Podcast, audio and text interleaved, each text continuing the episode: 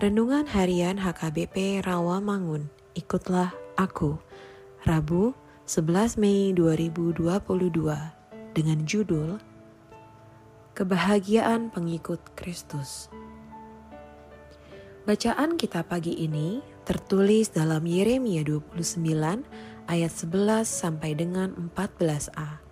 Bacaan kita malam ini tertulis dalam Efesus 2 ayat 1 sampai 10 dan kebenaran firman Tuhan yang menjadi ayat renungan kita hari ini tertulis dalam 2 Korintus 4 ayat 11 yang berbunyi Sebab kami yang masih hidup ini terus-menerus diserahkan kepada maut karena Yesus, supaya juga hidup Yesus menjadi nyata di dalam tubuh kami yang fana ini. Demikian firman Tuhan. Sahabat, ikutlah aku yang dikasihi Tuhan Yesus Firman Tuhan ini menyatakan bahwa Paulus dan rekan-rekan sepelayanannya tidak henti-hentinya diejek, dicemooh, dan dihina oleh orang-orang yang menentang ajaran Kristus.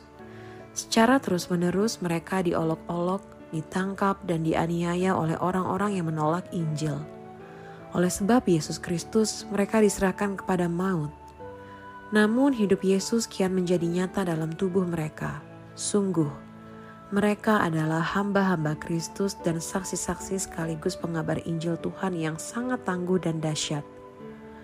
Meskipun maut selalu mengintai dan memburu di dalam pelayanan mereka, namun penderitaan mereka menjadi jalan kasih karunia-Nya yang sangat berlimpah-limpah bagi kita.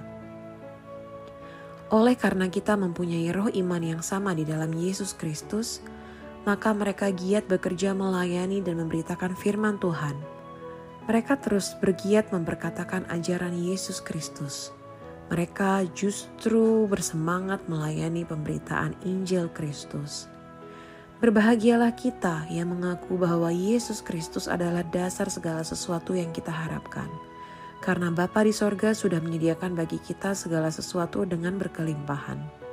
Berbahagialah kita yang ditindas, dijepit, diejek, dihina, dan dianiaya dalam nama Yesus, karena Yesus akan selalu berkuasa menyertai, menopang, membela, dan memberkati kita dalam segala perkara.